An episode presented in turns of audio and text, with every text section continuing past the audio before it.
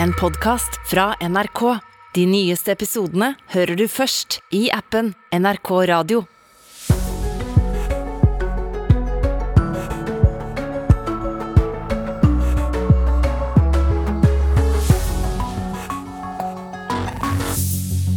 Ja, Med Dagsnytt er vi allerede godt i gang med Nyhetsmorgen i NRK.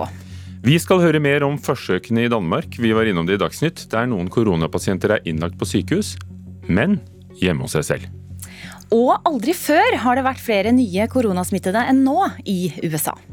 Times Square i New York er vanligvis fylt opp av turister på den tida her i året. Nå strømmer både besøkende og lokale til de provisoriske teststasjonene fra varebiler som er parkert ute på gata. Immunolog Anne Spurkland kommer til oss snart og kommentere utviklingen ute og hjemme. I månedsvis har vi hørt om konflikten mellom Russland og Ukraina som tårner seg opp. og nå skjer det noe. På nyåret blir det et møtemaraton mellom alle de store med håp om at spenningen kan avta. Ugo Fermariello og Ida Kjøstelsen ønsker alle en eh, god morgen og håper du er med oss fram til klokka er ni.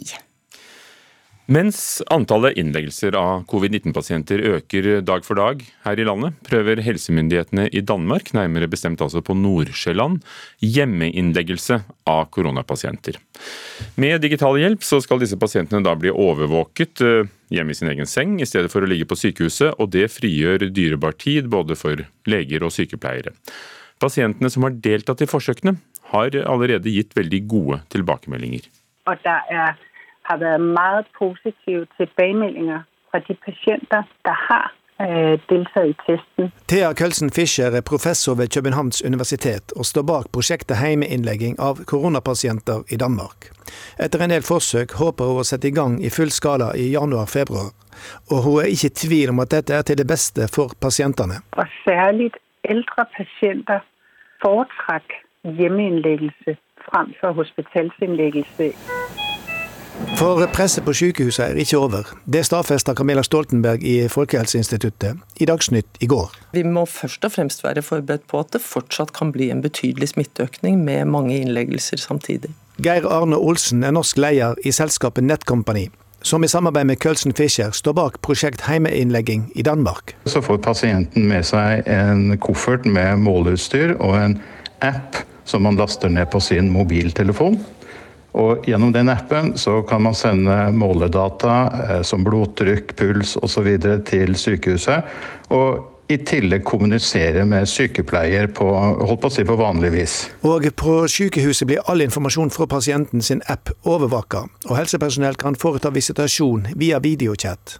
Innsparinga er stor når legene kan overvåke flere pasienter på samme tid. Og Det reduserer jo smittefaren og med alle de effekter som følger med på det. I tillegg så avlaster det jo også på et vis pasienten, som slipper å utsettes for frykt til å komme inn i et område med smittefare, eller å påføre andre smittefare. Så effekten er jo også på den mentale helsen. Hva kreves av pårørende? Utstyret er veldig enkelt å bruke for pasientene. Det følger med opplæring å ta det i bruk. Men selvfølgelig, man kan hjelpe til på kommunikasjon, og man kan hjelpe til med å følge med på, på sykdomsforløpet til pasienten. 30 pasienter er med på en klinisk test som nå prøver måleutstyr og kommunikasjon med leger. Det så veldig interessant ut ut fra den beskrivelsen som du, som du ga meg. Bjørnar Andreassen leder velferdsteknologiprogrammet i Helsedirektoratet, og hilser slike framsteg velkommen. Dette er viktig for å flytte tjenester hjem dit bruker bor, og det kan også gi bedre kvalitet og det kan gi økt bærekraft, altså økt omsorgskapasitet. Og det kan godt være at det er aktuelt også. Det, det, det, tenker jeg vi skal se litt nærmere på. Ja, Følger det med på det som skjer i Danmark? Vi har inntrykk av at Danmark gjør veldig mye bra på det området her. Så jeg tenker at vi skal absolutt fortsette å se hen til dette her. Skurrer det likevel litt når det gjelder tryggleiken for pasientene? Det forsvarlighetskravet som vi har i helsetjenesten gjelder. Det, det, tenker jeg For mange pasienter så vil det kunne gjøre det. Så vil det kunne gi økt følelse av trygghet. Mange blir jo syke av å komme på et sykehus eh, pga. smittefare, pga. belastningen ved reise. Alt det der slipper man jo. Så, så, både med tanke på smittevern og med tanke på eh, eh følelsen av trygghet og være i kjente omgivelser, så kan det her ha noe for seg. Og reporter var Bjørn Atle Gildestad. Så hørte vi Bjørnar Andreassen til slutt, som leder velferdsteknologiprogrammet i Helsedirektoratet. I USA har antall positive daglig smitte av covid passert 250 000 i går. Det er en ny rekord fra januar i vinter, da delta-varianten herjet i landet. Men til tross for rekordsmitte stenger ikke amerikanerne ned samfunnet, og velger å leve med den nye omikronsmitten, som nå er den dominante varianten i landet. It's crazy because online they have no available dates at CVS, Rite Aid. I can't even go to my neighborhood drugstore. And then coming here, well, we just got shut down saying that they're not taking any more people. Som millioner til amerikanere har Migdalia stått i kø den siste tida for å teste seg. USA opplever nå en kraftig økning i omikronsmitte, som har tatt over for delta-varianten i USA. I går var det over 250 000 registrerte smitta, en ny dagsrekord. Myndighetene regner med at rundt 50 millioner av amerikanerne er på racerfot i jula. Og antall reisende er nå i takt med tallene fra før pandemien slo til i fjor vinter. Det har gjort at testkapasiteten i dag er helt sprengt mange plasser i landet. Det er nesten umulig å oppdrive hurtigtester. Times Square i New York er vanligvis fylt opp av turister på den tida her i året. Nå strømmer både besøkende og lokale til de provisoriske teststasjonene fra varebiler som er parkert ute på gata. New York er blant byene der smitta har nådd nye høgder.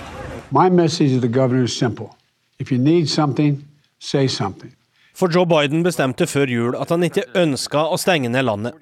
Heller ikke å innføre strenge tiltak som å stenge ned restauranter, butikker og skoler. Det er nå opp til hver enkelt delstat. I mange byer opplever allikevel butikkeiere å stenge ned plassene sine, fordi at mange av de ansatte blir syke. I byen som aldri søv, har flere Broadway-forestillinger blitt avlyst fordi flere i produksjonen er smitta. Og i går bestemte smittevernsinstituttet CDC å redusere isolasjonstida for smitta ned fra ti til fem dager. Mange arbeidsgivere har lyst til å ha tilbake seg sine ansatte, slik at de slipper å stenge. Test uh, like the first test I've had since a week now. I have, I have symptoms, so I just wanted to make sure before I could hold, go back to work. That's all. Make sure I'm like okay to head back to work. Ellis er en av dem som opplever symptom, men han vil gjerne tilbake til jobb. Og med mildere symptomer ifra omikron enn det vi har sett ifra delta-varianten, sier nå myndighetene at han kan komme seg tilbake til jobb kjappere. F.eks. har flyselskapene har måttet kansellere tusenvis av flyvninger pga. at kabinpersonalet har testa positivt gjennom hele jula. For Joe Biden vil hans andre år starte med den største bølga av smitta i landet. Han lova under valgkampen å få bukt på pandemien, men fortsatt er det ikke flere enn 61% av amerikanerne som er vaksinert. Hans budskap gjennom hele jula har vært klar. Vaksiner dere, ta booster og test dere. De første ukene i januar vil fortelle om presidentens nyttårsforsett vil bli en virkelighet. Fortalte Lars Os, vår korrespondent i Washington. Mm. Og Det siste døgnet er det altså registrert 4702 smittet med korona. Det er flere enn dagen før, men færre enn samme dag forrige uke. Antall koronapasienter som er lagt inn har ligget på over 300 i det meste av desember. Men av disse igjen er det bare noen få som har omikron som hovedårsak. Forrige uke var det tre. Immunolog og professor Anne Spurkland ved Universitetet i Oslo, god morgen. God morgen. Hvor mye eh, kan du si om omikron ut ifra de tallene vi ser i dag? Ja, Det er nødvendig å minne om at vi har bare hatt omikron i verden i en måned. Og eh, Det har tatt litt tid for omikron å spre seg, og det tar også litt tid å bli alvorlig syk. sånn at jeg tenker at vi fortsatt er såpass tidlig at vi kan ikke si så mye sikkert. Men jeg vil jo si at det er positivt å høre at det ikke er mer enn to-tre stykker Eh, med omikron på norske sykehus. Eh, foreløpig. Mm. Når tror du vi eh, kan få vite mer? Altså, vi må jo få minne om hva som har skjedd. Omikron har spredd seg hovedsakelig blant unge, både i Norge og andre steder. Og det er nå i jula hvor man har truffet hverandre på tvers av generasjoner at vi kan regne med at også de eldre er blitt eksponert i betydelig grad. Og da må man legge på to-tre uker før man ser konsekvensen av det. Så ja, jeg skulle gjerne ha likt å vite svaret, men jeg tror ikke vi vet mer før i midten av januar, kanskje. Mm. Du følger med på studier og utvikling i utlandet også. Vi hørte her om eh, smittetopp i USA. Vi har hørt fra Frankrike og Storbritannia de siste dagene. Hva forteller denne utviklingen? Det er jo en enormt rask smittespredning. Eh, og det er ganske sikkert også veldig mye underrapportert, fordi eh, folk får ikke tak i tester, det er vanskelig å få PCR-test osv. Så, videre. så eh, det samme kan vi nok regne med i Norge, at mange har testet seg positivt med en hurtigtest, men hvor skal de registrere det? Så ja, jeg tror ikke vi har sett noe som ligner i så rask spredning. Og det som er karakteristisk nå for USA spesielt, er at tidligere har viruset kommet i bølger. sånn at det har vært først østkysten og så Midtvesten. Men nå opplever alle statene samtidig en voldsom økning av, eh, av viruset. Mm. Og så er det altså en del studier som tyder på at eh, mange ikke blir like syke av eh, omikron. Blant dem som havner på sykehus er mange uvaksinerte. Hva vet vi om hvordan uvaksinerte takler eh, omikron? Altså jeg vil si at Det vet vi foreløpig for lite om. I hvert fall har det kommet lite opp til overflaten av hva skjer med de uvaksinerte. De som er vaksinert eller som har vært smittet før, for dem ser omikron ut til å være en ganske mild sykdom, sånn relativt sett, med luftveissymptomer og kanskje litt feber og smerter i, i musklene. men ikke noe mer enn det. Men, men hvordan det går med de uvaksinerte, det eh, tror jeg vi fortsatt er for tidlig å si, nettopp av den grunnen jeg sa, at det tar faktisk tid å bli alvorlig syk av dette. Mm. Det er jo ikke uvanlig at et virus eh, muterer. Eh, hvorfor var vi ikke bedre forberedt på et virus som omikron? Det er jo litt vanskelig å, forstå, men, men, dette kom faktisk rett ut uh, fra intet. Og, og uh, Man følger jo med slektskapet på disse virusene. og Den nærmeste slektningen til omikron er fra juni i fjor. altså Det er et helt år hvor dette viruset har kunnet utvikle seg i det skjulte. og Hvordan det har skjedd, det er det ingen som ordentlig kan forklare. Um, kanskje har det vært grupper i, Afrika som aldri har kontakt med helsevesenet. Det er veldig usannsynlig, men det er en mulighet. En, en, mulighet kan være at det har vært en immunsviktpasient som har fått behandling, og, og, så har til slutt dette viruset kommet fram som et resultat av behandlingen. Den siste muligheten er at viruset faktisk kan oppholde seg i dyrebestander et eller annet sted i nærheten av mennesker, og så utvikle seg der, og så kan det komme tilbake. Og Den siste muligheten er vi jo ikke forberedt på. Mm. Kort til slutt, eh, Du ga oss et håp eh, for noen uker siden eh, og, og, sa at omikron kunne være begynnelsen på slutten. Tror du fortsatt det? Jeg tror at fra, ja, fra et immunologisk synspunkt så blir mulighetene for viruset trangere og trangere. Jo mer vi blir kjent med viruset, så vil immunforsvaret vårt tilpasse seg, lage bedre og bredere antistoffer, og viruset får et trangere handlingsrom uansett hvor det oppholder seg i, i verden. Ja. Takk for at du kom hit, Anders Birkeland, professor professor og immunolog. I morgen er det ett år siden skredulykken på Gjerdrum i Akershus. Da nødetatene mottok den aller første meldingen om leirskredet, natt til 30. desember altså, var det en brannbil fra Skedsmo brannstasjon som rykket ut først. Nå, ett år etter, minnes mannskapene det kaotiske arbeidet. Det er et leirras. Det bare raser ned veien og sånn. Skikkelig stort leirras. Dette er den første meldingen om kvikkleireskredet i Gjerdrum natt til 30. desember i fjor. En brannbil sendes fra Skedsmo. Om bord sitter Inge Myhrer. Han husker godt lydene som møtte ham under det første evakueringsarbeidet. Du hører øh, dimensjoner på ting som knekker og ting som flytter på seg. Du, du får et bilde opp i huet at dette er store krefter i sving. Ti mennesker, deriblant en gravid kvinne, dør i kvikkleireskredet. De første timene løfter helikopteret 15 personer opp av gjørme og vrakrester. Inge får jobben med å tømme husene som står i fare for å falle ned i skredgropen. Vi var fem stykker, og så gikk, gikk vi hver vår gate ned.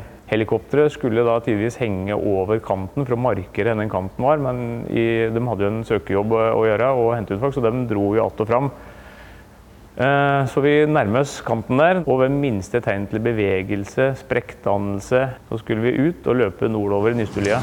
Ja, eh, innsatsleder Brann, Ingart eh, Andersen.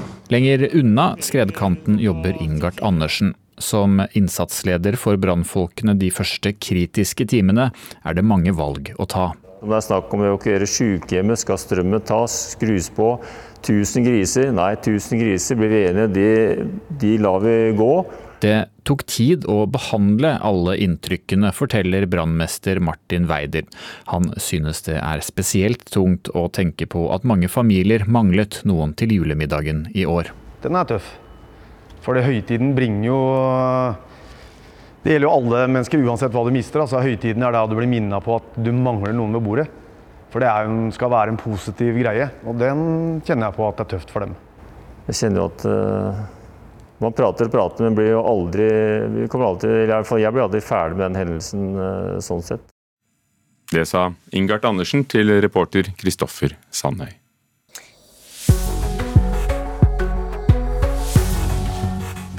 Klokka er 18 minutter over sju. Du hører på Nyhetsmorgen i NRK. Tallet på nye registrerte koronatilfeller har økt med 11% i verden, ifølge Verdens helseorganisasjon. Omikron-varianten dominerer i flere folkerike land og har bidratt til smittetopper, bl.a. i USA og Frankrike. Og immunolog Anne Spurkland sa her i Nyhetsmorgentimene at muligheten for viruset blir trangere og trangere. Flere grenseoverganger mellom Norge og Sverige er verken stengt eller overvåket, selv om Sverige har innført strenge innreiseregler. Og nå skal vi til Norges eh, Bondelag, som mener landbruks- og matminister Sandra Borch må innføre et mål for økologisk matproduksjon. Utviklingen går feil vei, mener Bondelaget, som eh, sier Norge nå har kommet bakpå sammenlignet med Danmark og Sverige. Kornbonde Hellek Berge Gvarv i Telemark la om til økologisk landbruk forrige gang prisene på kunstgjødsel økte kraftig. Jeg husker sjøl når jeg skulle legge om, så var det sånn eh, skrekkblanda fryd. Det var skrekk for at jeg ikke visste hva det gikk til, og så var det litt fryd for å prøve nytt. da. Den gangen så var det veldig gode støtteordninger for å legge om til økologisk, som gjorde at det var, følte at risikoen ikke var så kjempestor. Kornbonde Hellek Berge i Gvarv la om til økologisk produksjon i kjølvannet av finanskrisa i 2008. Da gikk prisene på kunstgjødsel rett til værs, slik de også har gjort i år. Nå produserer Berge mindre korn enn før, men får bedre betalt for avlingene. Samtidig bruker han noe mindre gjødsel. I ettertid så viser det seg at jeg har egentlig redusert eh, risikoen min som næringsdrivende ved å legge om til økologisk. Hva er grunnen til det? Jeg legger mindre penger inn i den enkelte avling. Slik at eh, dersom det går helt skeis, så taper jeg ikke så mye. Og når det går bra, så tjener jeg mer enn jeg gjorde før, for jeg har ikke bruka så mye penger på den. Nestleder Bodil Fjelltveit i Norges Bondelag mener at utviklinga har gått feil vei i Norge når det gjelder økologisk landbruk. Nå etterlyser hun ei regjering som er mer foroverlent, og vil ha klare mål både for økologisk produksjon og offentlige innkjøpsordninger. Jeg mener helt klart at det er viktig for å bidra til rekruttering. Det er klart at Hvis en har et mål, og, også, det må følge med noen økonomiske midler, noen insentiv som gjør at bonden har lyst til å legge om til økologisk. Klart at uh, Har en et mål, så vil det bidra til at noen vet at du er ønska inn i dette løpet i næringen. da. Mener jo òg at det er landbruks- og matministeren sitt ansvar å få det målet på plass. Landbruks- og matminister Sandra Borch sier at regjeringa vil følge opp regjeringserklæringa, som har et mål om å legge til rette for mer økologisk produksjon av mat. Men noe konkret mål blir det ikke noe av, sier hun. Jeg tror ikke at et tallfesta mål for økologisk jordbruk er et fasitsvar for hvordan man skal få en god utvikling av økologisk produksjon i Norge. Men eh, landene rundt oss har jo langt høyere eh, ambisjoner enn eh, en vi har her i Norge, eh, som er ingen. Altså Danmark f.eks. har et mål om 50 innen eh, 2030. Er det ikke en fare for at vi kommer veldig bakpå og blir avhengig av å importere økologisk mat istedenfor å kanskje eksportere det? Det må være en helhetlig innsats for å øke den økologiske produksjonen i Norge, tenker jeg. Og så har vi et, eh, et, land som er veldig forskjellig geografisk, også ut ifra hvor det lønner seg og hvor det er best å produsere økologisk. Og så har jeg også lyst til å si at Norge har verdens reneste matproduksjon i dag. Vi har trygg eh, norsk matproduksjon uten stor bruk av medisin eller plantevernmidler. Så veldig mye av maten vi produserer i dag er, er ren eh, og god mat. Ja, reporter her var Johan B. Settem. I månedsvis har vi hørt om konflikten mellom Ukraina og Russland, og hvordan eh, Russland har plassert ut grensesoldater på grensen. Og nå skjer det noe. USA lover andre europeiske land full åpenhet og solidaritet i forbindelse med samtalene de skal ha med Russland i januar. Møtet mellom USA og Russland er ett av til sammen tre store møter rett over nyttår, der nettopp konflikten mellom Russland og Ukraina skal opp på bordet. Og som vi vet, spenningen er stor. Utenriksreporter Eivind Molde, hva slags møter er det som kommer over nyttår? Først ut er eh, USA og Russland. De møtes til samtaler i Genéve mandag 10.1. Så det er altså i den andre veka rett over nyttår. To dager etter så planlegger Russland og Nato et møte, også ifølge Det hvite hus. Og dagen etter er det møte i regi av Organisasjonen for trygghet og samarbeid i Europa, OSSE, stadig ifølge USA. Så her blir det altså tre store møter på rappen, der forholdet mellom konfliktene mellom Russland og Ukraina og forholdet til Nato er tema. Og hvor viktig blir disse møtene for å, å kanskje dempe den spenningen? Ja, nå eh, var du jo inne på det i starten her, at, eh, at spenninga er stor. Vi har jo hørt nesten daglig om opptrapping og, og, trusler og skuldinger på kryss og tvers og fram og tilbake. Og, eh, og spenninga er jo eh, uten tvil eh, stor. Det har vært en, en, massiv ordkrig nå over lang tid. Det blir, som du sa, rapportert om titusenvis av soldater ved grensa, og en reell fare for krig. Så det at det nå skjer ting diplomatisk her, og til og med da tre store møter på ei uke, det får vi jo tro er positivt. Hvis konflikten handler om det at Russland er engstelig for at Ukraina skal bli Nato-medlem, hvorfor skal da USA ha sitt eget møte med Russland? USA tok ballen da eh, Russland eh, rett før jul la fram en del krav som vestlige land så på i veldig stor grad som urealistiske krav. Men eh, talsmannen for det amerikanske utenriksdepartementet, Ned Price, han sa i natt at USA likevel, selv om de mener at veldig mye av dette er urealistisk, vil prøve å få til en dialog for å sikre nedtrapping ved grensa. De vil snakke med Russland, prøve å diskutere disse tingene og se om det er mulig å komme videre. Jeg nevnte jo disse kravene, og det handler bl.a. om at eh, Russland vil at Nato ikke skal etablere baser i tidligere sovjetrepublikker, og de vil definitivt ikke at Ukraina skal bli medlem i Nato. Så her er det mange ting å snakke om. Takk. Reporter Eivind Molde. Unge med minoritetsbakgrunn blir oftere stoppet av politiet enn etnisk norske. For å få slutt på forskjellsbehandlingen skal folk neste år kunne få en kvittering av politiet i Oslo som sier hvorfor de ble kontrollert. Bakgrunnen er at mange minoritetsungdommer føler seg urettferdig behandlet og mistenkeliggjort. Du føler deg skamfull. Det er som du er en skam til samfunnet. Det er som du ikke tilhører her. Det er som du har gjort noe gærent. Og så har du egentlig ikke gjort noen ting, skjønner du. Så du føler deg jævlig sånn uh, Ja. Du, du, bare, du, føler deg som en byrde. Og det er, det er en stor påkjenning. Uh, det er det. Det forteller 25 år gamle Carl Oskar Larsen Klasai. Både han og kompisen Jules Kvasi Lunan Akwama har opplevd å bli stoppet av politiet uten grunn. Du vet, jeg kan ikke telle det, for å være helt ærlig. Det, det går ikke. Det er for mange ganger. Altså. Sånn. Jeg har aldri forstått grunnen til det. Kvitteringsordningen er et prøveprosjekt som blir innført etter nyttår. Bakgrunnen er en nordisk undersøkelse fra 2019 som slo fast at minoritetsungdom oftere blir stoppet av politiet uten å få forklart hvorfor. Målet med ordningen er å forhindre at dette skjer. Jeg syns det er bra at vi får det, for nå får du sett hvor ofte folk blir stoppa. Nå er det ikke bare sånn Nei, jeg tror ikke det skjer. Nå får du vite at det skjer faktisk. Det er fakta. Kampen mot en optimal løsning er hard.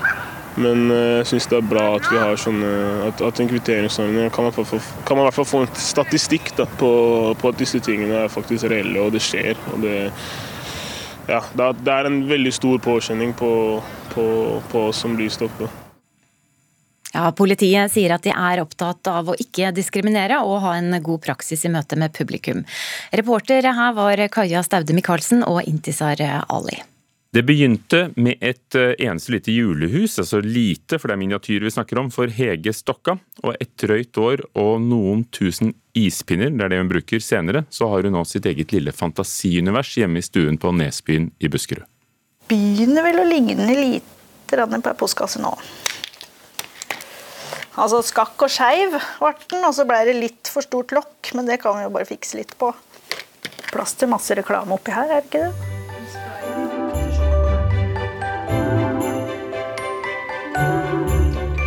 Den lille postkassa får plass ved porten til et bitte lite gårdstun.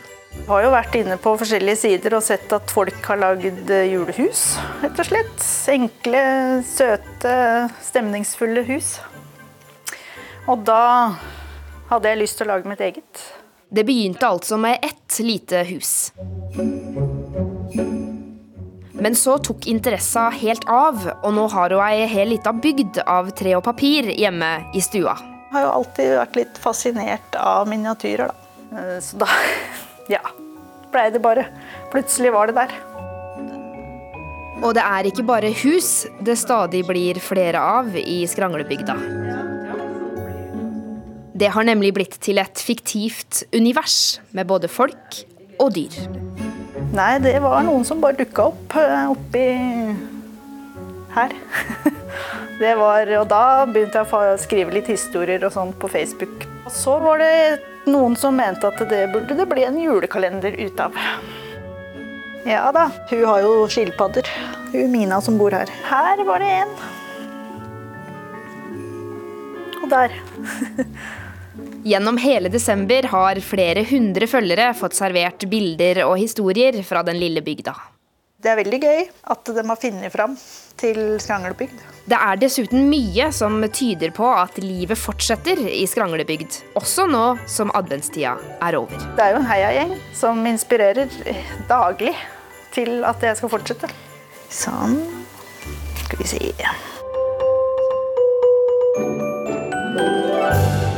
Reporter var Karoline Utti. Hør podkaster i appen NRK Radio. Det Kåss Furuseths. Du vet at vi kan klemme hverandre og holde på? Unnskyld, jeg er ikke en klemmer. Er det lov å klemme? Jeg er myk, da. Med all respekt. Men du må vite en ting, bror. Alt det her er på grunn av Allah. Jesus det er den beste taxituren jeg har hatt noensinne. Jesus! Berrum og Beyer. Verken du eller meg er kringkastingssjef. Nå skal det bli ny en. Ja, alle kan Det er søke. Det som er deilig med NRK. Ja. Baksnakk. Life's a bitch. Det kan du ikke noe annet enn å ha det artig med det. Hør podkastene først i appen NRK Radio. NRK Radio. Vi hører sammen.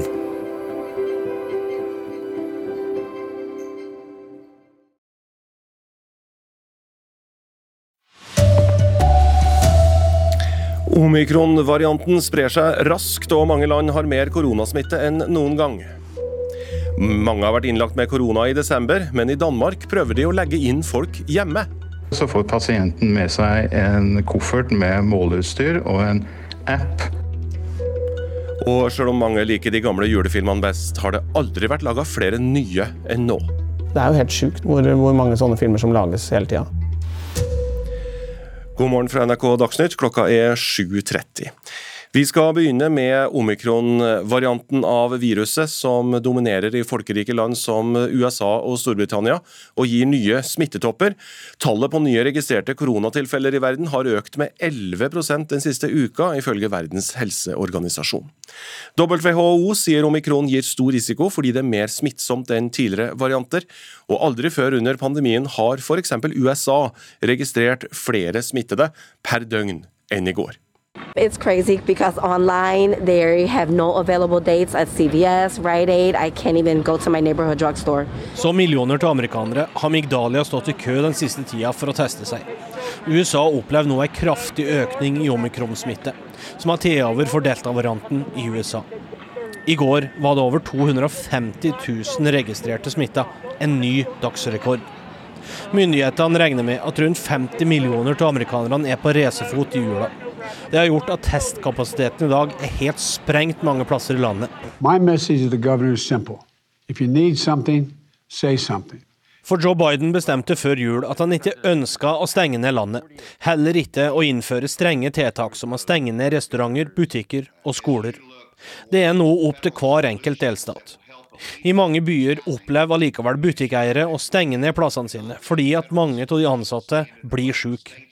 Og I går bestemte Smittevernsinstituttet CDC å redusere isolasjonstida for smitta ned fra ti til fem dager.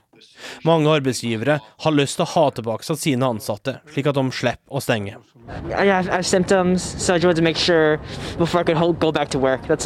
Elis er en av dem som opplever symptom, men han vil gjerne tilbake til jobb. Og med mildere symptomer fra omikron enn det vi har sett fra delta-varianten, sier nå myndighetene at han kan komme seg tilbake til jobb kjappere. For Joe Biden vil hans andre år starte med den største bølga av smitta i landet. Fortsatt er det ikke flere enn 61% av amerikanerne som er vaksinert sa USA-korrespondent Lars Os. Også her hjemme er omikron i ferd med å ta over for delta-varianten av koronaviruset. Det siste døgnet er det registrert 4702 nye smittede, flere enn dagen før, men færre enn samme dag i forrige uke.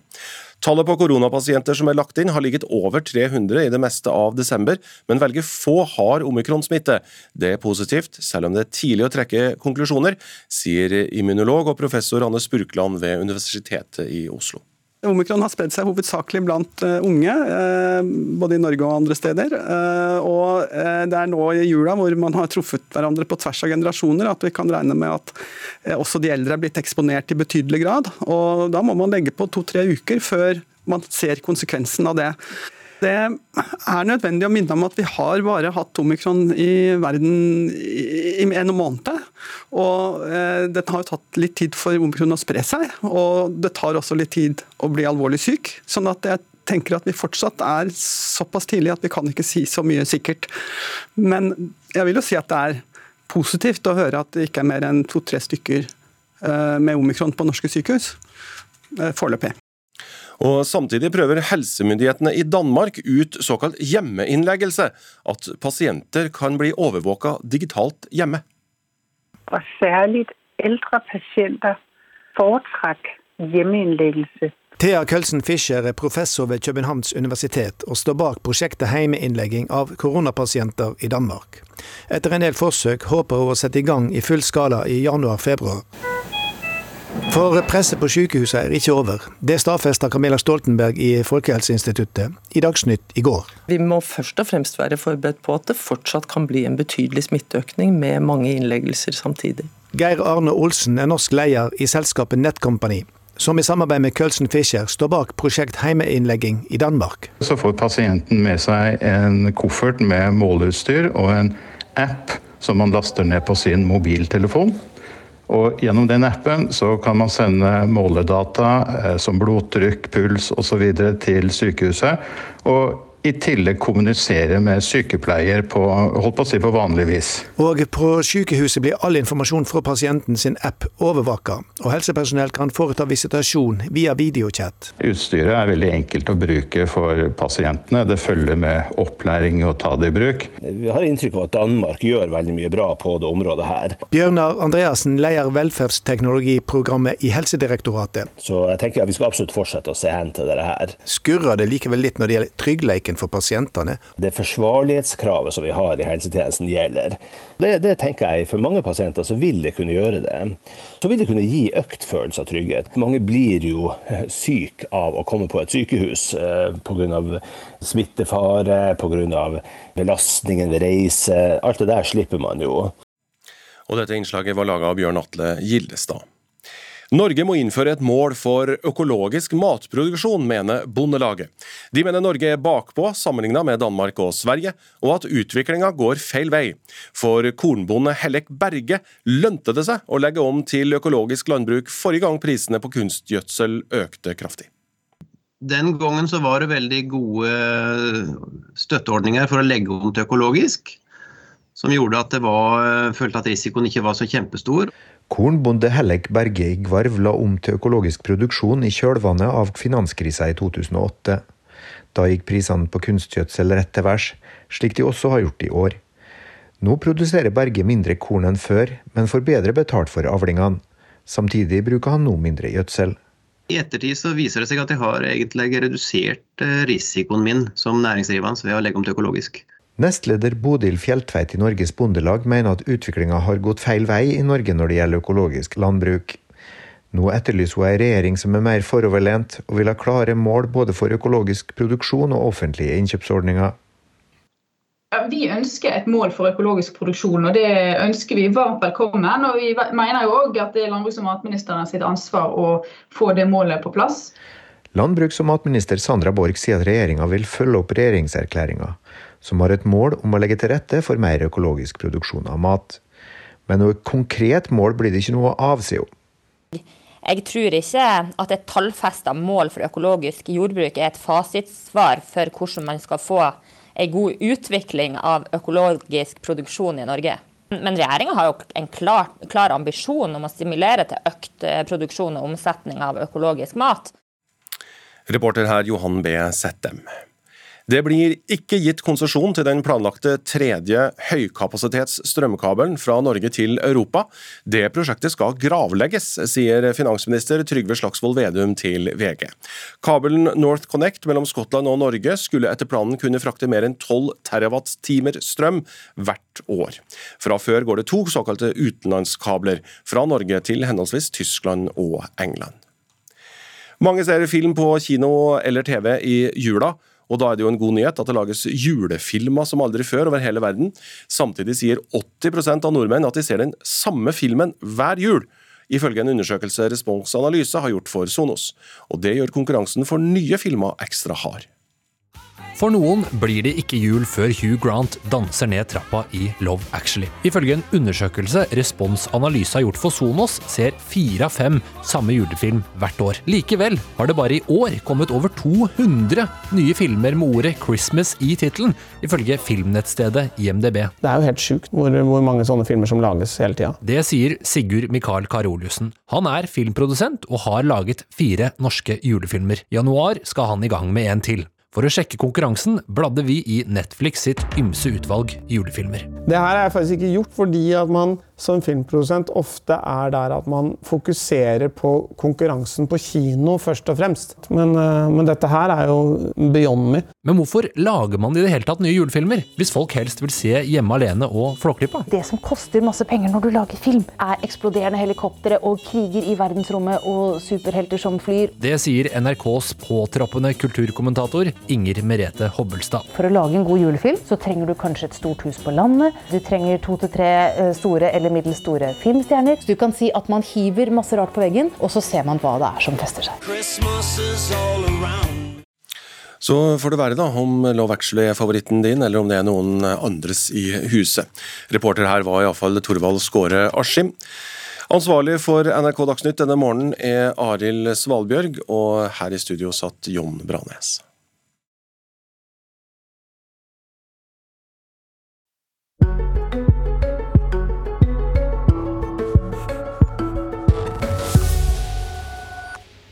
Hva skjer med de store politiske partiene i Europa? De forvitrer, sier forfatter Tarjei Skyrbekk, som mener at Europa er sykt, og at alarmen burde gått i flere land. Og dette er tema, europeisk politikk altså, i Politisk kvarter om fire-fem minutter her i Nyhetsmorgen. Men nå noe helt annet. Om prevensjon og identitet. Nemlig 27 år gamle Maja Asheim Breidablikk, som vi skal møte nå, skal slutte på p-piller for å finne ut hvem hun er uten ekstra hormoner. og Hun har gått på p-pillene siden hun var 16 år gammel.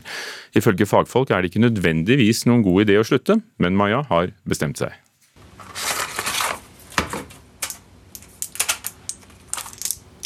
Maja Asheim Breidablikk åpner pakken med p-piller og tar ut det siste brettet. Nå skal hun slutte. Jeg har gått på p-piller siden jeg var 16 år gammel. Uh, og nå er jeg 27. um, jeg har liksom ikke Jeg vet ikke helt hvordan jeg har det uten p-piller. Breidablikk undrer seg over om den stadige tilførselen av hormon kan ha påvirka personligdommen hennes. Jeg er veldig spent på hvem jeg er uten p-piller. Ifølge Siri Kløkstad, gynekolog ved Sex og Samfunn, er det mange unge kvinner som lurer på det samme. Hun sier det er lite trolig at prevensjon kan påvirke hvem du er. Hormonell prevensjon har ingen påvirkning på personligheten din. Det er klart at Noen kvinner opplever nedstemthet ved bruk av hormonell prevensjon. Det er et stort dansk studie som viser at det er flere kvinner som bruker hormonell prevensjon, som også begynner på eller bruker um, antidepressiva. Um, men man har ikke funnet noen klar årsakssammenheng mellom disse to tingene. Um, men det kan hende at det er en assosiasjon. Hun forteller at det er veldig uvanlig å få bivirkninger etter flere år. Nei, Det er veldig lite sannsynlig. De aller fleste bivirkningene oppstår de første tre månedene, og det meste gir seg jo faktisk også etter tre måneder. Breidablikk opplever at humøret svinger, og at noen dager er tunge. Det er vanskelig å vurdere om noe av det kan være bivirkninger hun har hatt hele veien. Men jeg eh, begynte jo som hormonell tenåring med min første kjæreste, så det var jo kraftige opp- og nedturer. Men vanskelig å vite om det er p-pille, eller om det er første forholdet som 16-åring. Selv om gynekologen sier prevensjonen ikke påvirker personligdom, tenker Breidablikk at mange tunge dager gjør noe med deg. Siden jeg starta så ung, så har jeg ikke levd nesten uten p-pille, føles det ut som. Jeg starta som et barn, føler jeg. Nå når jeg begynner å bli voksen, så er jeg veldig spent på hva det har å si å ta vekk den regelmessige tilføringa av hormoner til kroppen min. Um, og jeg er veldig spent på om det har, om har påvirka meg, uh, spesielt med tanke på mental helse. Kløkstad sier at de fleste ikke opplever noen endring ved å slutte. Hennes råd er tydelig ikke ta en pause. Kom heller og snakk med oss eller annet helsepersonell, og så kan man se om man kan bytte hvis du opplever noen eh, problemer eller bivirkninger med prevensjonsmiddelet ditt. Ifølge Kløgstad er det særlig én grunn til at du ikke bør ta pause. Så hvis du ikke bruker prevensjon i det hele tatt, så er jo blodpropprisikoen lavest. Og så begynner du på prevensjon, og da stiger risikoen for å få blodpropp initielt, for så å synke igjen etter seks måneder. Men hvis du da tar en pause på fire uker eller mer, og så begynner igjen, så stiger risikoen for blodpropp tilsvarende utgangspunktet når du da starter på nytt. Breidablikk har likevel bestemt seg. Jeg har, liksom, ja, jeg har blitt gått fra barn til voksen konstant på p-piller. Med plenty hormoner inni der som jeg ikke vet hva effekter jeg har hatt. Um, og det kan jeg jo egentlig aldri få vite heller. Jeg kan ikke gå tilbake i tid og gjøre denne reisen uten p-piller. Men jeg er veldig spent på hva det har å si nå. Nå er jeg jo 27, som betyr at jeg har jo vært voksen en stund. Så jeg vet jo, da har jeg en del å sammenligne med. Fortalte Maja Asheim Breidablikk, som eh, vår reporter Maria Gunnarsdatter Svedal hadde møtt. I Nyhetsmorgen i dag har vi bl.a. hørt om Danmark, som har gode erfaringer med hjemmeinnleggelse av covid-19-pasienter om Norsk Bondelag, som vil ha økt satsing og i hvert fall en tydelig beskjed fra regjeringen om eh, hvor mye økologisk landbruk vi skal drive her i landet. Immunolog Anne Spurkeland som sier at eh, viruset svekker seg, og det kan være godt nytt, men det er smittetopp i både USA og Frankrike. Det var bakgrunnen for den saken. Dette er Nyhetsmorgen, Politisk kvarter. I dag Lilla Sølesvik.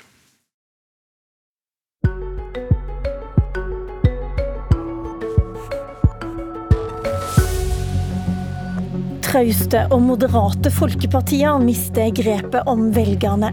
I hele Europa sitter nå halvparten av oss enten hjemme på valgdagen, eller vi stemmer på partier ytterst til høyre eller venstre. Europa er sykt, og alarmene burde gå, mener forfatter og idéhistoriker Tarjei Skibekk. Ja, og velkommen til Politisk romjulskvarter, eh, Tarjei Skirbekk. Takk for det. Du har altså skrevet boken om de moderate folkepartienes fall i Europa. Og her eh, hjemmefra så vet vi jo at Arbeiderpartiet og Høyre er litt mindre enn de har vært før. Men det er nå de som styrer likevel. Kan du ikke gi oss et bilde over hvorfor du er så bekymra, og hvor små de en gang så eh, store styringspartiene ute i Europa er nå? Ja, nå er det ikke bare jeg som er bekymret, jeg tror det er en del eh, som er bekymret. Eh, jeg bruker også OECD som et eksempel på en organisasjon som ikke er bare bekymret for de sosiale og økonomiske systemene i Europa, men også faktisk for den politiske stabiliteten eh, fremover på kontinentet. Og Min bekymring den bunner egentlig i fire ting. Eh, det ene er at de tradisjonelle moderate folkepartiene har falt eh, kraftig, enkelte steder kollapset. Eh, vi har fått sterke ytterpartier, populistiske partier. Eh, og vi har fått et mer fragmentert politisk landskap, altså mange flere mindre eh, partier. Og Sist, men ikke minst, så har valgdeltakelsen i Europa til nasjonale valg falt fra 85% til 65 i dag, og den er fortsatt synkende. Det er altså sosialdemokrater, kristenkonservative, liberale, disse store partiene du snakker om nå. Men, men, hva er problemet? Er det ikke sånn at eh, ok, de blir små, og mindre partier de vokser fram og blir store og tar plassen deres? Ja, det er ikke noe problem at det er et dynamisk valgsystem og nye partier kommer opp. og Jeg er veldig for at vi har et flerpartisystem og folk kan velge. Problemet med at store, moderate understreker moderate folkepartier faller, er at disse partiene tradisjonelt har bestått av viktige allianser som har tatt opp i seg viktige samfunnsstrømninger hvor de har da lært seg å balansere samfunnsinteresser internt. Og Det tar de også inn i regjering, hvor de lærer å balansere rett og slett samfunnsmotsetninger. Balansere, altså du mener å se en sak fra en og andre sida? Ja, for hvis du bare har interessepartier eller mindre som er stort sett oppsatt av én sak eller mindre, eh, færre saker, så har de mindre trening internt og også mindre egeninteresse på dette. her, og Det skaper også et problem når de kommer i posisjon. At det er mindre rom for å skape felles utgangspunkt for politikk. Og Det har vært en av styrkene i den demokratiske delen av Europa, hvor moderate høyresiden og den moderate venstresiden har delt veldig mange felles oppfatninger. Eh, helt grunnleggende. De har vært veldig uenige om mange ting, men det er noen grunnleggende ting som ligger fast, som har gjort at det har vært en stabilitet i utviklingen av Europa. Selv om den også har vært konfliktfylt, så har den vært grunnleggende stabil. Og det er litt i spill eh, nå, slik jeg ser det. Simen Ekan, du er korrespondent med base i Brussel til vanlig, men også i Roma, der du er nå. Og du har skrevet bok om den europeiske høyrepopulismens vekst og framtid for noen år siden. Ser du de samme faresignalene som det Tarjei Skirbekk beskriver her? Ja, At de faresignalene fins, det tror jeg ikke det er noe tvil om. Jeg snakket med en borgermester i en bitte liten by i Flandern nord i, i, Belgia eh, for en stund siden. Han representerte det kristendemokratiske eh, partiet og var bekymret for sinnet som han merket fra folk som både var sinte på koronarestriksjoner, men også hadde mistet, mente han, tilliten til hele det politiske systemet. Og hans konklusjon var at partiet han representerte, det sa han nærmest i en bisetning, vi kristendemokrater, vi kommer til å være borte om noen år. For når folk er sinte, så vil de ha partier som kommer med eh, dramatiske løsninger. Og da mm, fryktet han at det ikke var plass til eh, et parti som eh, i sin natur skal eh, moderere mellom forskjellige standpunkter og forsøke å finne en eller annen felles løsning. Så han så jo dette veldig klart, og det syns jeg var interessant. Så, så det fins på den ene siden, og så tror jeg det finnes noen trekk som, som, peker i en annen retning også. Du kan vel si at eh, kanskje dette er en ordfører som da ikke har gjort jobben sin, og ikke svart på den eh, forbannelsen som velgerne hans preges av?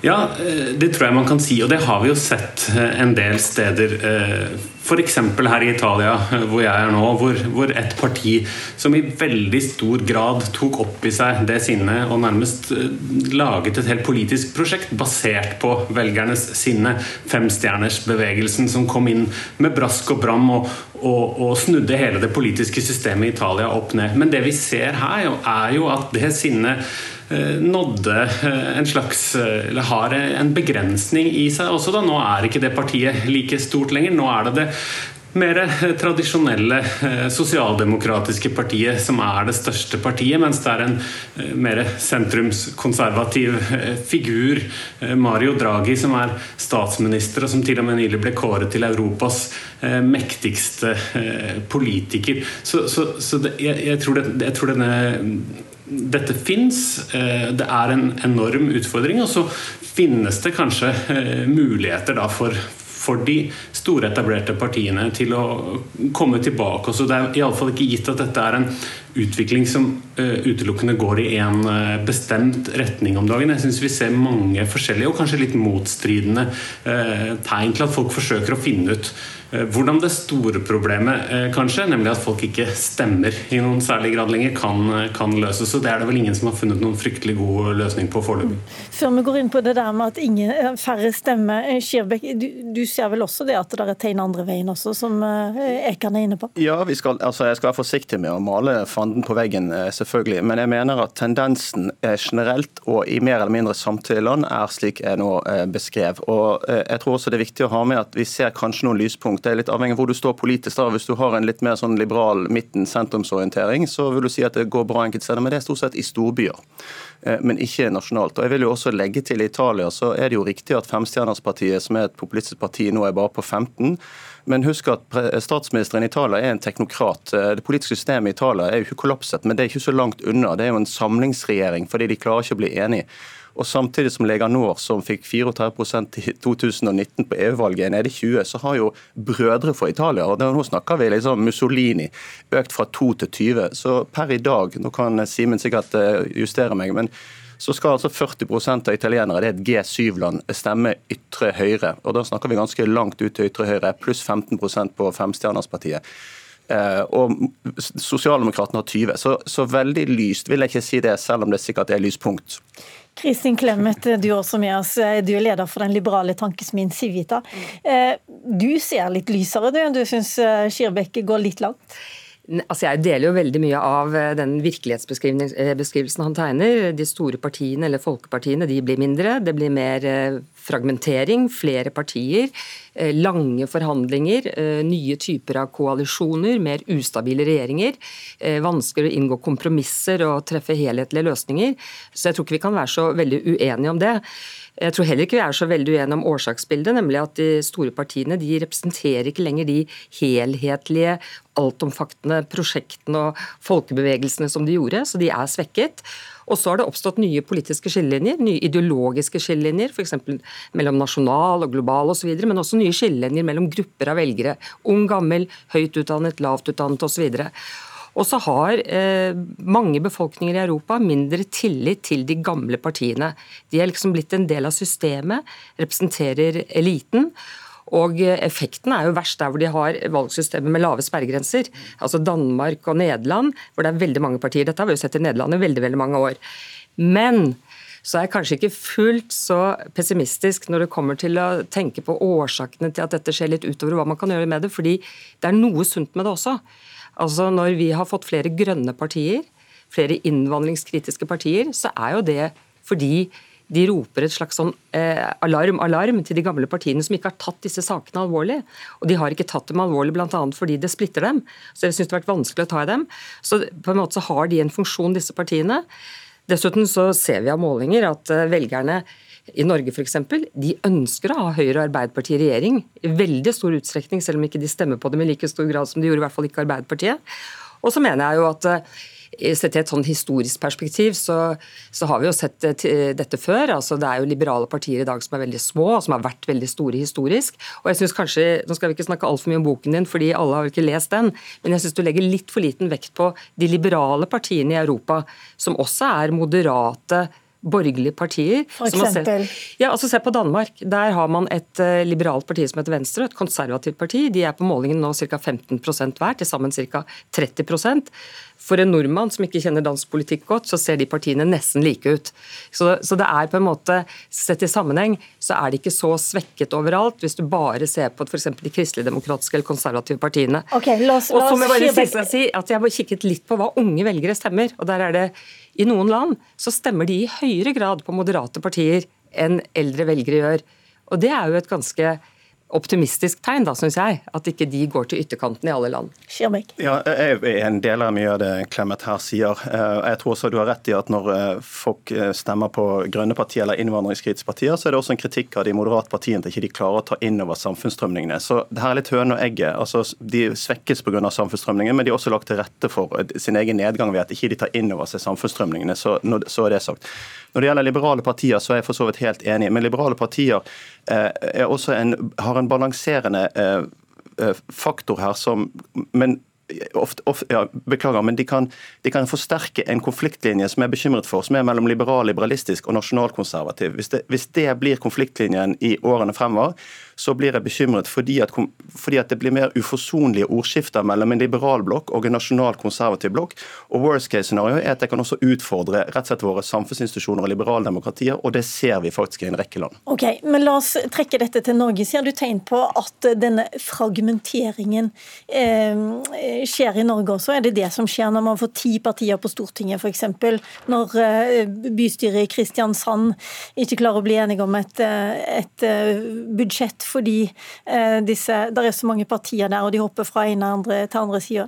Ja, det er klart Norge er jo en del av verden og Europa, og vi preges også av disse endringene. Ikke i like sterk grad, og det skal vi være veldig takknemlige for, men vi har nå ti partigrupper på Stortinget. Eh, Høyre og Arbeiderpartiet har ikke vært så svake til sammen siden man kan huske, bortsett fra 2001. Um, og, ja, så vi, vi rammes av de samme tendensene, men ikke like sterkt, og det skal vi være glad for. Det høres, det kan jo, Du har bakgrunn fra Arbeiderpartiet, Skirbekk, du har bakgrunn fra Høyre, Clemet. Det kan jo virke utad som om dere er litt bekymra for de store, gamle partiene deres? Men Grunnen til at vi kanskje også ser litt forskjellig på det, er jo klart at eh, sosialdemokratiet er nok i mange land hardere rammet enn de store borgerlige partiene. Et eksempel fra Norge.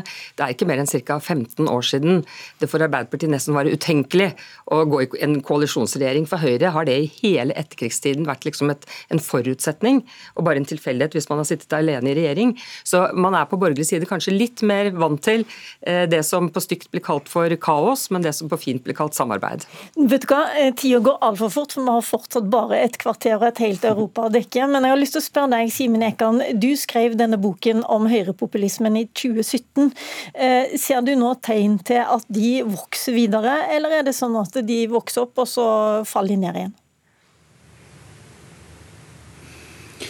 Nei, eh, høyrepopulismen i, i, mange land har jo også blitt eh mer ekstrem. Det er jo riktig som Skirbekk sier at det finnes to uh, partier på ytre høyre side i, i, Italia nå med en voldsom oppslutning til sammen. Det samme ser vi jo nå i, i Frankrike, der valgkampen iallfall i den første fasen har vært preget ikke bare av Marine Le Pen, som jeg skrev om, som, som nærmer seg 20% men også Eric Zemmour, som, som på mange måter måter representerer noe som går enda lenger til høyre, men som også tar opp i seg velgere fra det mer tradisjonelle høyrepartiet. Og til sammen har jo eh, de eh, nærmest 40% på meningsmålingene. Det er en forflytning, og det er også et interessant eh, dilemma her da, i denne diskusjonen. Hva skal de etablerte partiene gjøre? I hvor, I hvor stor grad skal de flytte seg etter sakene disse ytterpartiene tar opp? Og der har man jo fått forskjellige løsninger. og så må man spørre seg hva er da igjen av vår,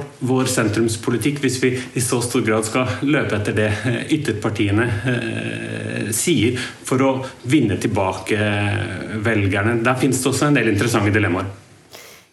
Ok, Vi har kort tid igjen. Tarjei Skirbekk. Hva, eh, hva, er løsningen for folk som vil ha partier som sier på den ene og andre sida, og ønsker at de store styringspartiene skal eh, vinne tilbake igjen velgerne sine? Jeg tror de store partiene ikke må være så veldig redd for å lytte og ta de politiske følgene av det folk sier. Og Konkret så handler det om at de moderate venstre må flytte seg i mer konservativ retning på innvandringsspørsmål f.eks. Og for den moderate høyresiden så betyr det at de må flytte seg litt mer mot sentrum på de økonomiske spørsmålene. Da får vi følge utviklingen i året som kommer. Politisk kvarter var i dag ved Lilla Sølhusvik. Takk for oss. Du har hørt en podkast fra NRK. De nyeste episodene hører du først i appen NRK Radio.